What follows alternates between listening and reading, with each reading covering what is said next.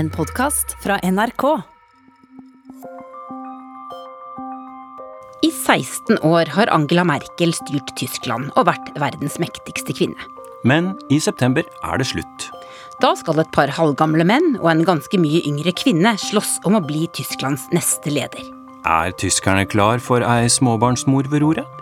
En kan få inntrykk av at de er hakket mer konservative enn oss i synet på kvinnelige ledere, selv om de altså har hatt en helt siden 2005. Eller er det noe helt annet enn kjønn maktkampen i Europas mektigste land handler om? Du hører på Krig og fred Med Tore Moland. og Tove Bjørgaas.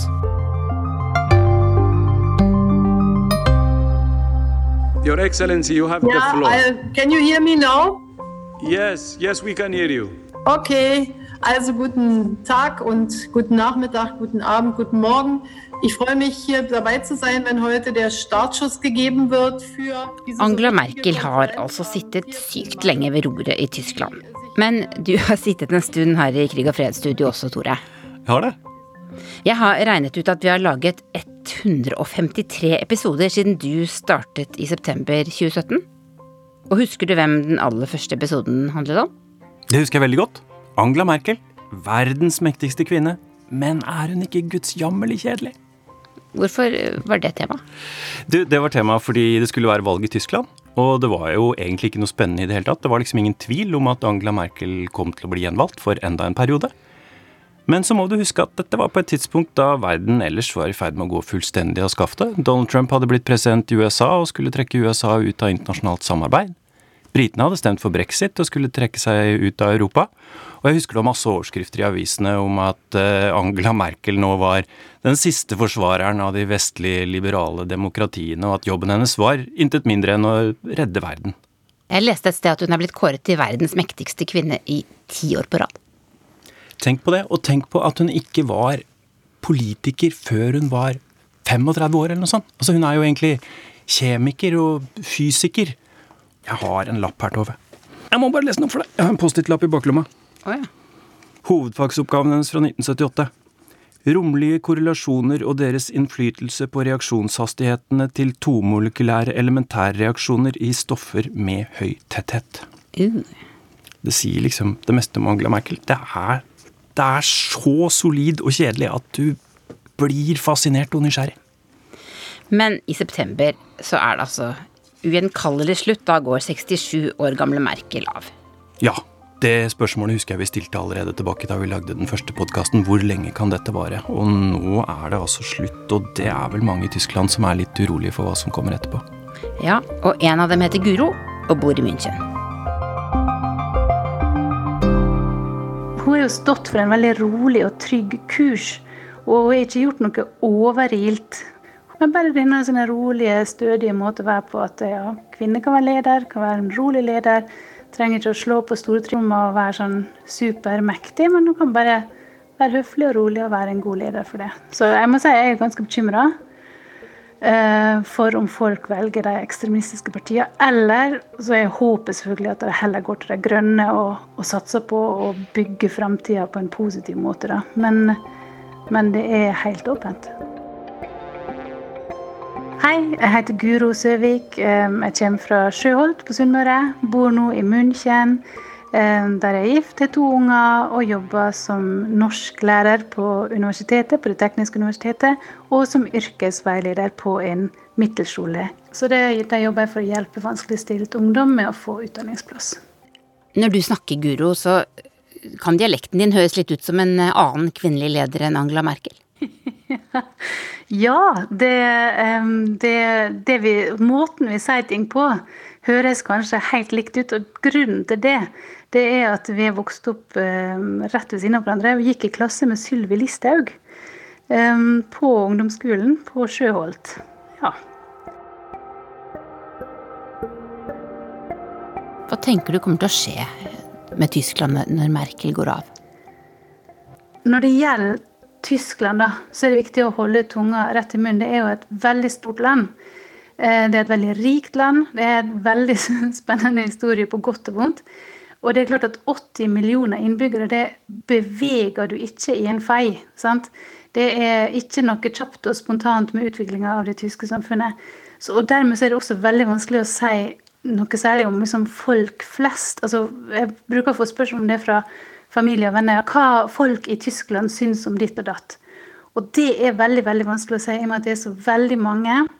Og så er det så forskjellige forhold i øst og vest, selvfølgelig. Tidligere Øst-Tyskland og tidligere Vest-Tyskland, men også mellom nord og sør, der det er ganske store kulturforskjeller. Der jeg, bor, jeg bor jo i sør, og um, da kan jeg nok si at det er mer konservativt enn i nord, da. Um, og i Bayern, som jeg bor i, Bayern har veldig mange friheter til å styre seg sjøl. Og der har jo CSO, det er søsterpartiet til CDO, altså de kristelig konservative, de har jo hatt absolutt flertall siden krigen. Så det er jo klart at det er konservativt eh, her nede. Og kirka har veldig stor rolle som sosial aktør i samfunnet. De overtar mange oppgaver som, som, i Norge ville vært utført av staten. F.eks. ammegruppe, hjelp til eldre, svake grupper, integrering, leksehjelp, frivillighetssentral osv. osv. Det er kirkelige oppgaver her nede. Og jeg kan si at jeg jobber på en skole som yrkesveileder. Men jeg er ikke ansatt av skolen, og jeg er ikke ansatt av staten, men av en kirkelig hjelpeorganisasjon, en katolsk organisasjon. Og jeg får lønn av erkebiskopen. Ah. Så det er klart at det, er jo vi, vi, vi, skal hjelpe alle, uavhengig av livssyn og bakgrunn. Men eh, det at en katolsk hjelpeorganisasjon er på masse forskjellige skoler, og, jo, og driver med yrkesveiledning, det, vil, det høres jo rart ut for oss nordmenn.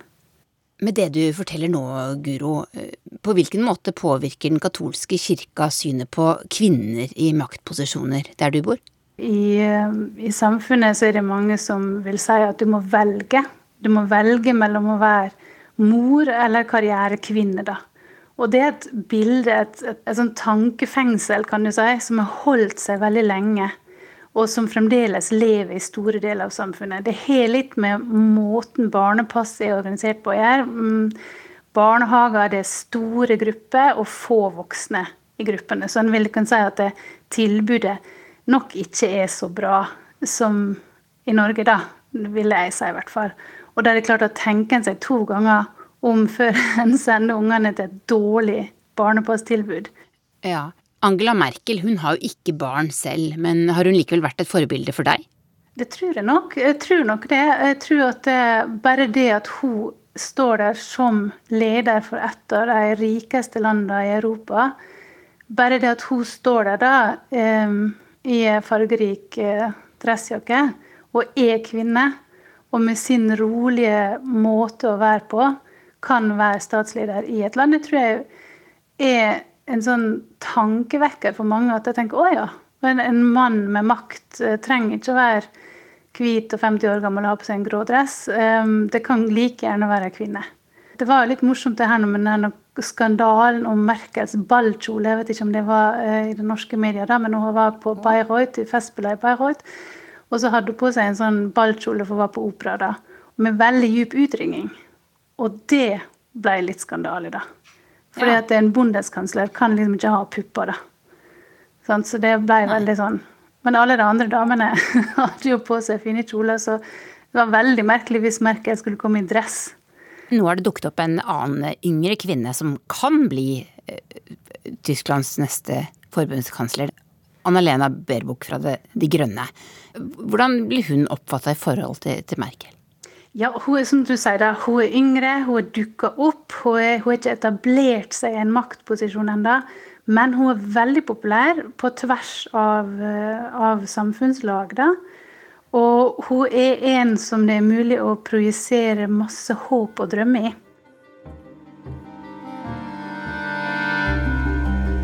Ok, Tore.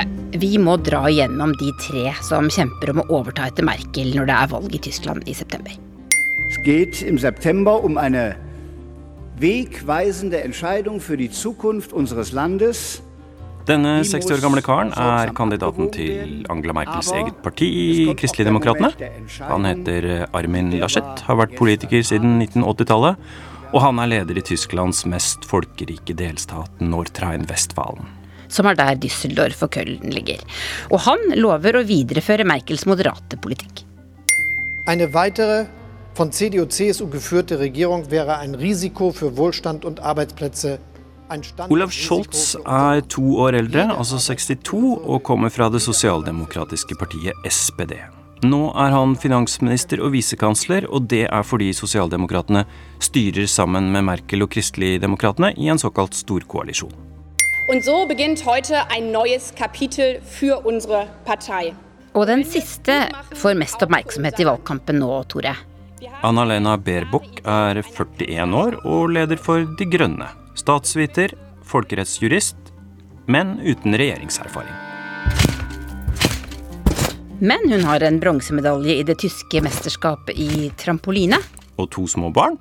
Og en klar plan om å dra Tyskland mot venstre. Wir haben eine klare Idee einer Kanzlerschaft für Deutschland. Ich möchte heute hier mit meiner Kandidatur ein Angebot machen. Altså Hun forteller nå at hun har en helt ny idé for kanslerskapet i Tyskland og vil gi et tilbud for hele samfunnet. Det er agendaen, på en måte. Hva består den agendaen av? Helt konkret er det altså uh, digitaliseringen som må komme på plass mye mer. Dette er svaret til ulike utfordringer om federalisme. Vi har jo dette systemet hvor ulike delstater må synkroniseres og jobbe sammen, og det har spesielt under koronapandemien vist seg til å være litt krøkkete iblant. Og så er det selvfølgelig miljø og bærekraft som er det store spørsmålet.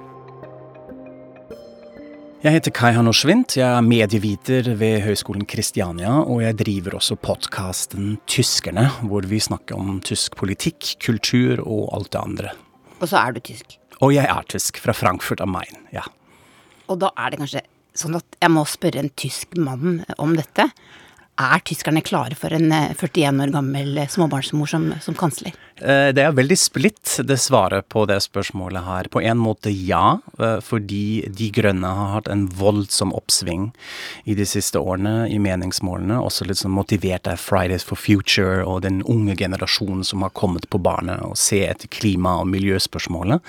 Men samtidig er det også den konservative siden, som ikke vil gi seg de, de, skjønner, tror jeg, at det er ikke deres tid akkurat nå, uh, men de, de, mobiliserer nå imot denne unge kvinnen, og dette blir ganske interessant. Jeg har fulgt henne litt gjennom disse politiske talkshows eh, som vi har, og da ble hun grillet på alle områder. Liksom, har du nok erfaring? Er du, er du, vant nok til å håndtere dette?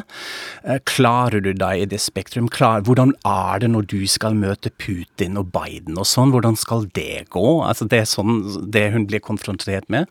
Eh, det har vi jo sett i det siste året, at det har vært en økning i netthets. Annalena Baerbock har spesielt vært utsatt av dette dette. Det etterforskes faktisk nå om det er ikke noen russiske trollfabrikker eh, bak dette.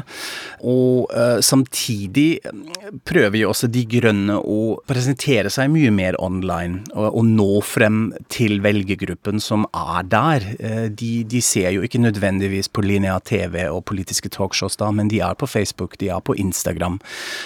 og man prøver å nå frem da med å kanskje iblant forenkle budskapene litt. da.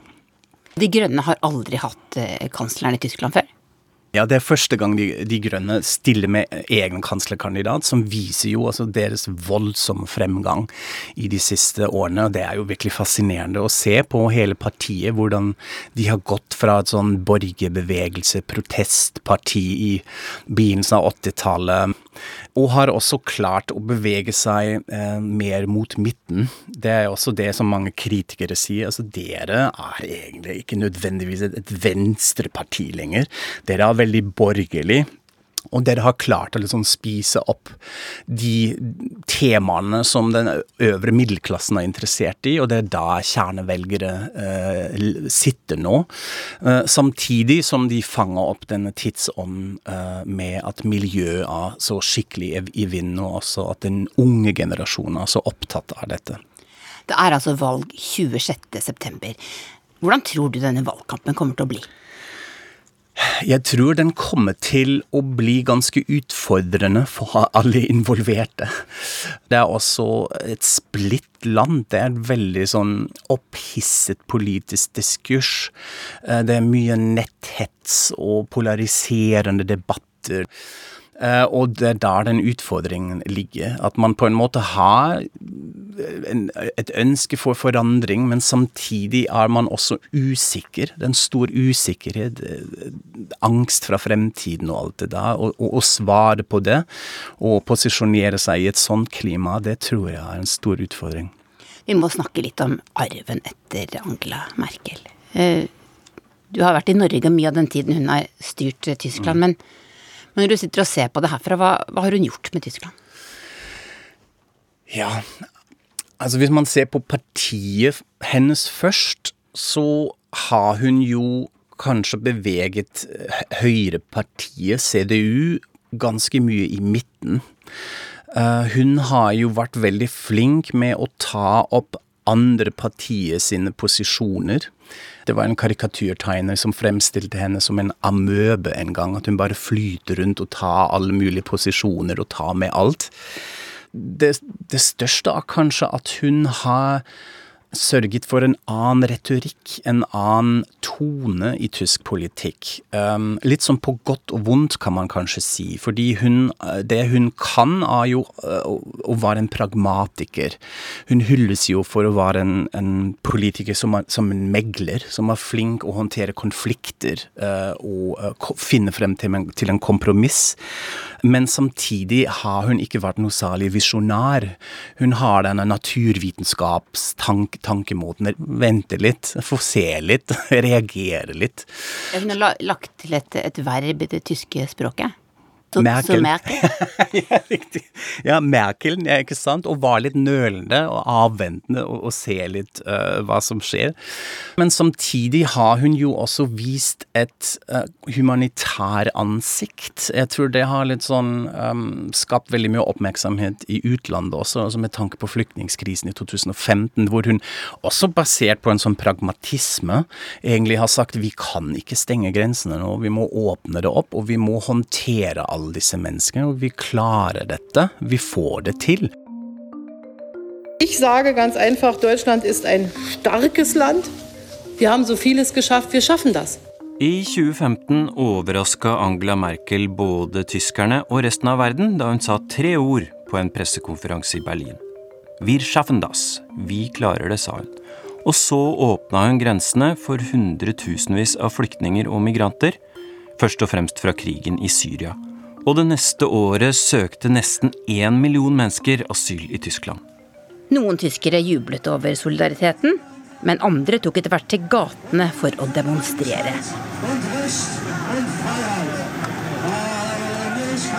Og det høyrepopulistiske partiet Alternativ for Tyskland, som hadde oppstått bare to år før, økte sin oppslutning voldsomt.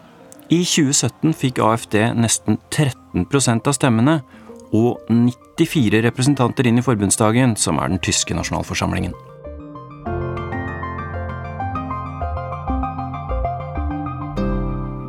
Eh, det er jo et land som har hatt en ekstremt dramatisk eh, historie, og som, som, også nå opplever masse destabilisering knytta til, til høyreradikalisme, f.eks.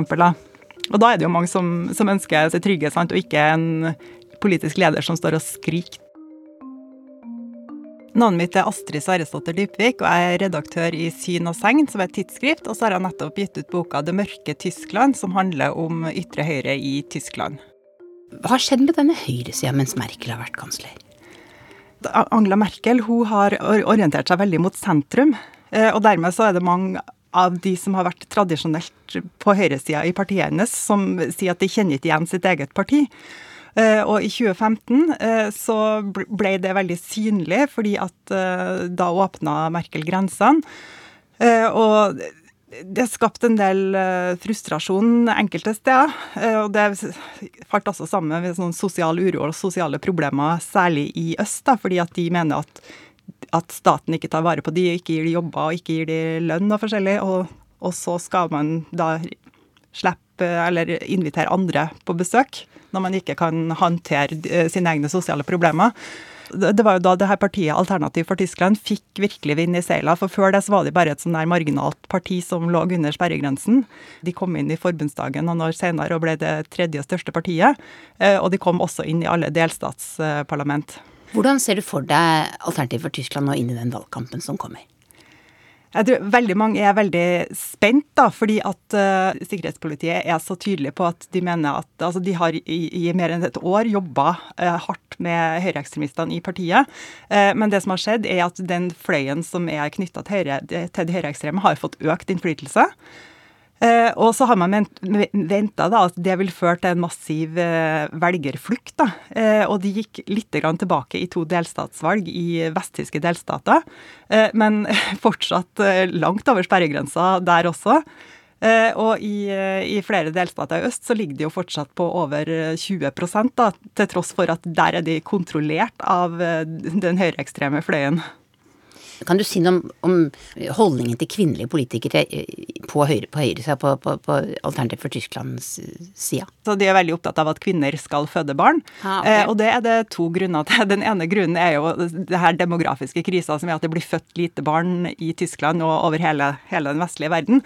Men for Alternativ for Tyskland så er det også et poeng at de vil at etnisk tyske kvinner, da, altså med tyske besteforeldre, skal føde barn fordi at de, de, de syns det er viktig at folk med den um, kulturbakgrunn eller etniske bakgrunn får flere barn, da, og at personer da med etnisk bakgrunn fra Midtøsten eller Nord-Afrika da burde få færre barn. da. Og så syns de at familien må spille en større uh, rolle i oppdragelsen av barn. Altså ikke så viktig med barnehager og den plassen skolen skal ha, da, mens det, det, er familien som skal ta seg av det, seg av det i hovedsak. da. Og så dukker altså nå Anna-Lena Baerbock fra De Grønne opp som en av kanslerkandidatene på, på, den andre sida i politikken. Eh, hvordan tror du det vil, vil prege valgkampen? For alle sin del så vil det prege det veldig mye at hun er kvinne, og at hun er veldig ung til å være i tysk politikk. Hun er 40 år. Eh, og i Tyskland så er politikerne gjerne 10-15 år eldre på en måte enn i norsk sammenheng da når man kommer i posisjon, så hun er en veldig ung politiker. Og hun har heller aldri altså, utøvd makt og har aldri hatt regjeringsplass i en delstatsregjering f.eks. Og det kommer jo veldig mye opp nå, da, fordi at man skal si at hun er ung og, og uerfaren. da. Tror du hun kan styrke den ekstreme høyresida? De har en sånn hat mot den type folk uansett. Altså I forrige valgkamp så var det Angela Merkel. Kanaliserte veldig tydelig. Og da handlet det mest om eh, innvandringspolitikken og Ja, og sånn allment at hun er en sviker og ikke en ordentlig konservativ og har gjort uh, mye dårlig for landet. Altså hun, Angela Merkel har jo også ført en ganske ambisiøs grønn politikk, og de er jo klimaskeptikere, så det er også en del av kampanjen. Og den, den delen eh, klimaskeptiske kampanjen vil nok bli enda tydeligere når Anna-Lena Baerbock blir en fiendefigur. Tyskland er jo et utrolig et veldig viktig land. Kanskje det viktigste landet, det mektigste landet i Europa. Gjør det også at de på en måte må ha en mer behersket og konservativ leder, tror du? Eller altså sånn som type, da. At de har et veldig stort ansvar. Jeg tror at mange tyskere altså de ønsker jo å ha en trygg politisk styring. Sant? Altså at det, man ønsker ikke å ha store eksperimenter. fordi at eh, sant, sant? Det er jo mange store sosiale problemer i, i, Tyskland, og at et arbeidsmarked som er veldig delt mellom de som ikke får ordentlig lønn, og de som, som, får det. Det store flertallet i Tyskland er jo fornøyd eh, og lever gode liv og ønsker stabilitet. da. Eh, og mange, mange, politikere som, som, er veldig karismatiske. De kan jo også være farlige og snakke folk inn i ting som slett ikke er bra for landet på, på lang sikt. Da. Eh, og der har jo Angela Merkel, som eh, har hatt en sånn, si, veldig sånn ukarismatisk lederstil, da, hvis, det, hvis det er lov å si. Altså, hun er ikke Altså, hun har jo utmerka seg gjennom å være solid, sant? føre et land med god økonomi og, og oppnå det hun vil i forhandlinger uten å på en måte komme med så store ord og bruke så voldsom retorikk ute etter. Og at altså, framstår som en veldig sånn verdig ledertype. da. Eh, og det har gitt henne enorm tillit. da. Du har hørt Krig og fred, en podkast fra NRK Urix, som lages av meg, Tore Moland, og Tove Bjørgaas. Lydregien var ved Hilde Tosterud. Redaktøren vår er Sigurd Falkenberg Mikkelsen. Og vi hører gjerne fra deg. Send oss en e-post på krig og fred, alfakrøll, nrk.no.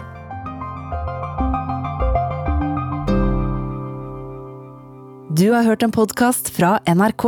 Hør flere podkaster og din NRK-kanal i appen NRK Radio. Du alpakka! Før så samla vi oss for å høre på radioen. Nå lytter vi på hva vi vil, når vi vil, og mest for oss sjøl. Vi lytter for å fylle ventetid, bli underholdt, oppdatert og litt klokere. Vi lytter for å la oss bevege av sterke historier. Bassen fra eksplosjonen. Eller bare av musikk. Så selv om mye har forandra seg, er det viktigste som før. Podkast og radio samler oss. For selv om vi nå lytter mest for oss sjøl, er vi aldri aleine når vi hører på. NRK Radio vi hører sammen. Hør podkaster og din NRK-kanal i appen NRK Radio.